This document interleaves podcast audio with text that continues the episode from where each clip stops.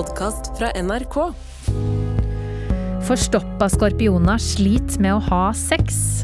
Vi skal prate om unyttig forskning her i Etikketaten. Dette er plassen hvor vi diskuterer hva som er rett, og hva som er gale. Forskere har altså funnet ut at forstoppelse det gjør det vanskelig for skorpioner å ha sex, og en har studert hvordan reinsdyr reagerer når de ser mennesker som er utkledd som isbjørn. Sånne forskningsprosjekt går altså skattepengene våre til, men um, hvor masse frihet skal egentlig en forsker ha? Er det ikke andre ting som er viktigere å forske på enn dette? Jeg heter Kjersti Anderdal Bakken, og med meg er fysiker og forsker Inga Strumke, etiker Heine Alexander Holmen og kongerekkeekspert, og ikke minst podkastkollega Are Sende Osen. Heine, når bikka et forskningsprosjekt over til å bli uetisk bruk av fellesskapets midler? Du, det tør jeg nesten ikke si høyt, for jeg er instituttleder på NTNU, så jeg vet at den friheten som du nevnte nå på forskernes vegne, den får jeg i fleisen i det øyeblikket jeg åpner instituttdøra og kommer inn. Fordi det her er relativt kontroversielt tema i, universitetssektor, i, universitetssektoren. Fordi forskere sitter gjerne med en ganske stor andel av sin ansattid, som er forskningstid. Og den tradisjonen er at de forvalter mye av den selv, litt avhengig av hvilke fag du går inn i. Så jeg, jeg tør ikke dra noen grenser, selv om jeg vet at det finnes mye uetisk, eller eventuelt ikke uetisk kanskje, men i hvert fall mye relativt eh, bortkastet tulleforskning, da. Det, det, det gjør det sikkert. Ja. Men det skal det gjøre òg, for det ligger litt i forskningens natur å finne ut av ting som vi kanskje ikke vet om vi trenger å vite. Forsker du på tullete ting, Inga? Ja, noen ganger gjør jeg kanskje det. Um, altså, Hvorvidt noe er lurt å gjøre, er jo avhengig av både formålet med tingen man gjør, og de midlene man bruker. Det ene er midlene. Man skal jo så klart ikke forske på en måte som volder skade for noen. Men det andre er formålet, da. Og jeg tenker formålet med forskning er ganske mangefasettert. Altså primært så er det jo å eh, bare oppdage kunnskap som man ikke visste om. Og hvis man ikke vet hva man leter etter, så kan man heller ikke vite nøyaktig hvor man skal lete. Så jeg tenker frihet i forskning er, er, ja, er veldig viktig for å klare å ja, oppdage ting som man ikke visste at man lurte på. Og så er det jo òg å lage gode forskere.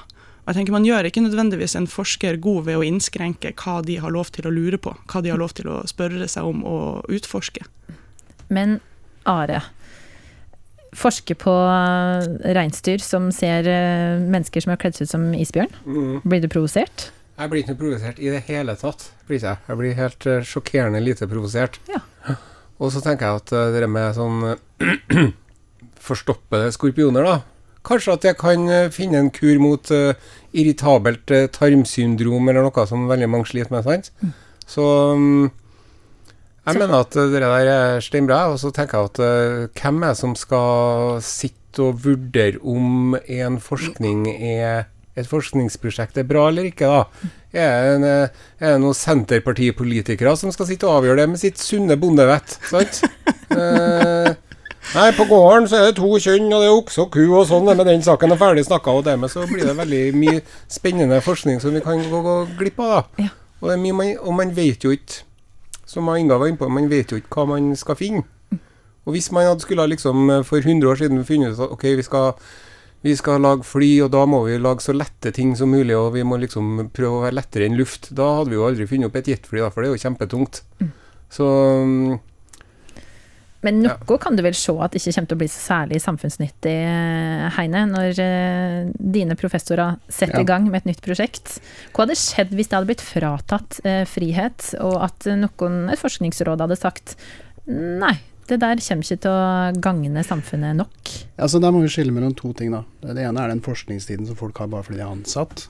Der har en forsker rundt 50% Den forvalter de ganske fritt. Der har du veldig få virkemidler som leder eller forsker, eh, forskningsleder.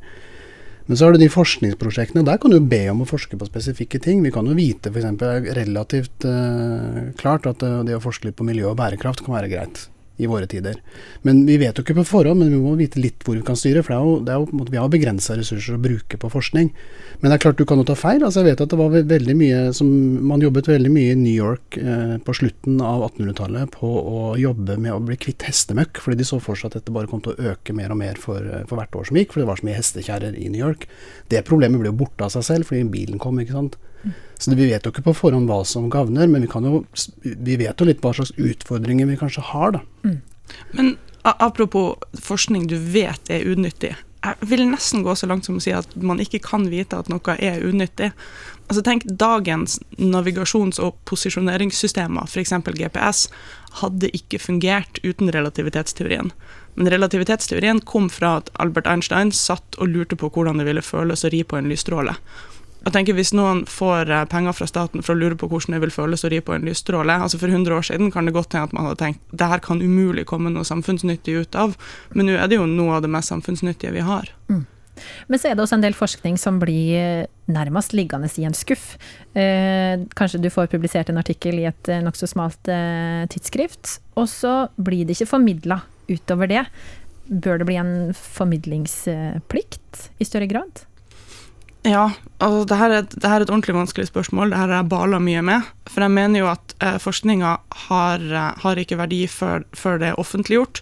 Og offentliggjøring mener jeg det består bare delvis av publikasjonen i journaler som akademikere belønnes for. Ehm, men da også av faktisk formidling til, til, allmennheten, og til noen som kanskje kan ta det videre og lage et produkt av det, eller mene noe om det, vet ikke. Så det kan man bruke til å argumentere for at formidling bør være nærmest obligatorisk. Mm. Men samtidig så er jo formidling også et fag i seg sjøl. Det er ikke alle som liker å formidle, og det er ikke alle som er noe flink til å formidle, for å være brutalt ærlig. Uh, så spørsmålet er skal man tvinge alle til å formidle, da? Hvis de bare ikke har noe lyst til det? Hvis de har lyst til å være for seg sjøl og skrive kronglete setninger, skal de ikke få lov til det? Mm. Så der har jeg ikke noe bastant mening. Mm. Og så er det hva er det som er med oss mennesker? Det er at vi har veldig, veldig store hjerner. Og det er liksom hjernen som er greia med oss, da. Og da må vi nå bruke den hjernen vår. da. Og hvis vi skal si at vi skal ikke bruke hjernen vår på, på det her, dette eller hint, da igjen så er det sånn Hvem er det som skal bestemme hva vi skal tenke på og ikke? Jo, men godt, det har du jo. godt spørsmål. Nei, men Altså, du har jo interne organer. Altså, det, det er selvfølgelig de, de, bør jo helst være oppdatert på forskningsfeltet. Da. Så Forskningsrådet har jo eksperter som sitter og vurderer ulike forskningsprosjekter. Hvilke ser mest lovende ut, både liksom sånn forskningsmessig og strukturmessig, men også sånn hva, kan, hva, du kan få ut av det. da. Så vi har jo det allerede i spill. Og så er jeg usikker på om målet for forskningen skal være alltid at den skal dukke opp i en VG-artikkel som er forståelig for alle. Eh, for det er jo én ting. Det er jo én ting med formidling, men det som Inga nevnte som også er viktig, er jo f.eks. innovasjon og konsekvenser. Det at det faktisk blir brukt til noe. Og det trenger ikke nødvendigvis være forståelig i en, en VG-artikkel. Og det er viktig at man får Altså det er viktig når man bruker offentlige ressurser, at det faktisk settes inn på noe som vi tror, eller noen tror i hvert fall, at har livet, livet for seg. Men går det litt prestisje i å forske på smale ting i eh, det akademiske miljøet? At det var en helt annen tråd jeg hadde lyst til å plukke opp. jeg var klar for en annen tråd. ok, Bare veldig kjapt, da. Det her spørsmålet som uh, Are Klokeli stilte med um, liksom, hva, hva, skal vi bruke hjernen vår til? Mm. Um, og jeg mener jo at, og det her er jo hyperaktuelt i disse kunstig intelligens-dager, som vi har verktøy som kan både tenke for oss og male for oss og skrive for oss, og det er ikke måte på hva, vil, hva, skal vi mennesker orke å bruke tida vår på, hvilke evner trenger vi?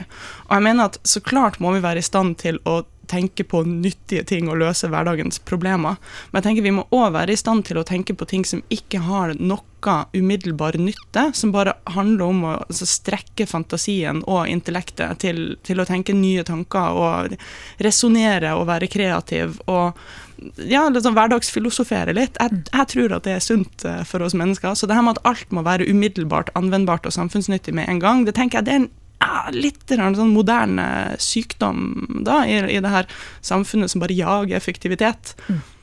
Jeg har f.eks. et eksempel på en fantastisk artikkel som jeg syns er veldig morsom å lese, som dreier seg om etikken rundt dolokk. Ja. Skal det være oppe eller nede? Der, der, har jeg da lest en 20 siders lang artikkel som er fagfellevurdert og publisert, om pros og cons i forhold til dolokketikk. Mm. Og det er sånn relativt unyttig umiddelbart, men kan hun kanskje vise seg å ha en, en, en, en nytte likevel, da. Vi kan jo ikke fjerne deg som driver med underholdning på statens budsjett, eh, Are. Det hadde vært litt synd. Uh, hvor, hvorfor retter du dette mot meg? Men du har jo da uh, stått på skuldrene egentlig til uh, folk fra humaniora, sånn som Heine representerer. Historikere, arkeologer er jo også derifra, når du har laga kongerekka. mm. Er det fornuftig bruk av tid å finne ut hvordan klede Harald Hårfagre hadde på seg, eller hvor eh, korstoget til Sigurd Jordsalfare gikk? Jeg syns jo det er utrolig spennende. Så finner jeg en nål i, eh, en, på et eller annet jorde på Fosen. Så skal jeg prøve å finne ut av hvor den nåla stammer fra. Kan jeg forsvare de der nåleleterne litt? Ja, Fordi disse arkeologene som da Are forholder seg til eh, der, da? De, de driver jo ikke bare og jobber med hva Sigurd Jordskjelfare tenkte da han gikk over den strekningen. De jobber jo også teknologisk med, med hvordan finne ut av det. da. Og der genererer det jo faktisk effekter ved at de finner ut innovative metoder og finner ut av ting som skjedde for 1000 år siden, som igjen kan brukes andre steder. Så det er veldig vanskelig å si at det ikke liksom er nyttig også, da. Mm. Så det, arkeologene er faktisk high-tech til å være humanister. Og så har du jo at, eh, at ting overlapper, da. For at f.eks. arkeologi, når de driver og skal ta eh, DNA-analyse av arvestoffet på kraniet til f.eks. Sigurd Jordsalfare, som kanskje ligger i krypten i eh, Akershus i Oslo, så bruker de jo den samme teknologien som de bruker når de skal teste folk for korona, faktisk. Sant? Så det er litt sånn at eh, det er noe ting som egentlig ikke har noe mye med hverandre å gjøre, som eh, har med hverandre å gjøre lell, da. Og det synes jeg, jeg syns at det er litt artig når det er sånn crossover mellom forskjellige fagfelt. Der fikk arkeologer en, eh, en god framsnakk her i studio. Men, men Inga, er all AI-forskning nyttig, da? Du som driver med AI-forskning, eller noe som egentlig er litt mest for gøy? Altså, jeg er jo i feltet bare for gøy. Det må jeg si. Um, og jeg, jeg vet ikke, jeg synes, bare for å utfordre premisset litt her, jeg synes det her, eh, fokuset på nytte alltid, selv, særlig i starten, er Ja, jeg syns det er rett og slett litt malplassert. For altså, hva er poenget med det hele? Poenget med det hele er jo å lage, lage et samfunn av lykkelige mennesker som har det bra.